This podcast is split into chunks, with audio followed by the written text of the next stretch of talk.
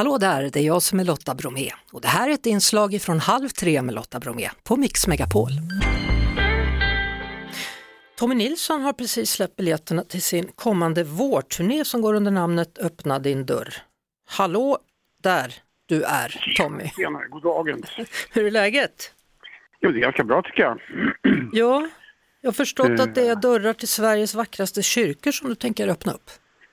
Ja, eh, jag vet inte vad det är men jag, jag har gjort några sådana turnéer här, kyrkoturnéer.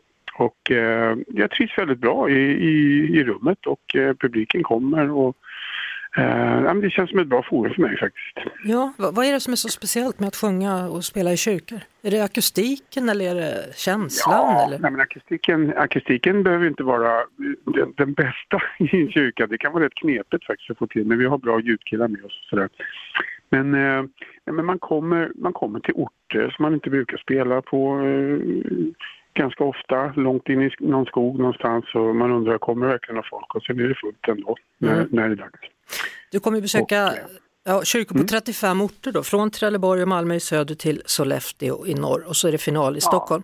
Och sen på varje plats så sjunger du med en lokal kör. Ja, det är ju ett eh, gammalt trick man gör. Dels för att eh, hjälpa till att marknadsföra. Det, det, det är klart att det hjälper till. Eh, och, och för, att, för att det är roligt. Det är trevligt mycket med, med lokala körer och, och de har, brukar alltid se fram emot de här konserterna. Så det, blir, det, blir, det brukar, bli ett roligt samarbete. Liksom. Mm. Hur hinner ni repa ihop er då? Alltså det gör vi. Körerna får material att öva på ganska långt innan och sen så eh, övar vi samma dag faktiskt. Ja. Så man kommer till kyrkan kanske vid ett, två tiden och sen blir det konsert vid sju, åtta och innan dess ska det liksom soundcheckas och övas och hållas på. Så det är ganska långa dagar, det blir det. Det är en lång konsert om man tänker på att den, den börjar någonstans mitt på dagen och slutar kanske nio, tio då på kvällen. Här. Du, alltså, låter du lite förkyld eller? Nej, jag har sjungit ganska mycket. Jaha, Jag- har sjungit så du är hes. Ja, Ja, lite hes sådär men, ja, men eh, det, det är så här skönt hes, man vet att man lever. ja. ja, Alltså, det, ja, det är lugnt. ja, eh, öppna din dörr heter ju låten. Visst är den låten Mm. skriven i två omgångar? Förlåt, vad sa du nu? Visst är öppna din dörr, den låten är skriven i två omgångar, visst är det så? Musiken kom först på 80-talet och sen texten ja, det kan man sen. säga. Ja, ja, men precis. Ja, Eh, ja, vad säger man om det?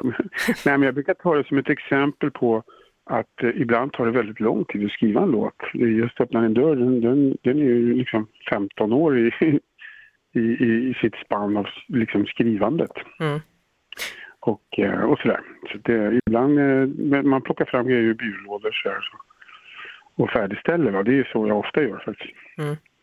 eh, turnéstarten är om knappt fyra månader då. Är du, är du pappaledig fram till dess eller?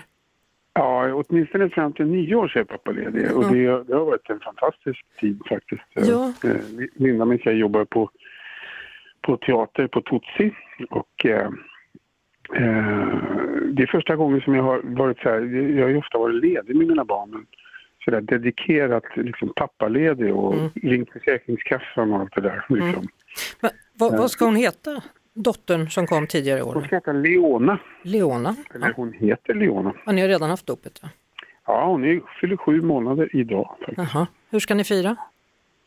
Eh, det blir en, eh, det blir en, en liter glass när jag har gått och lagt sig till mig.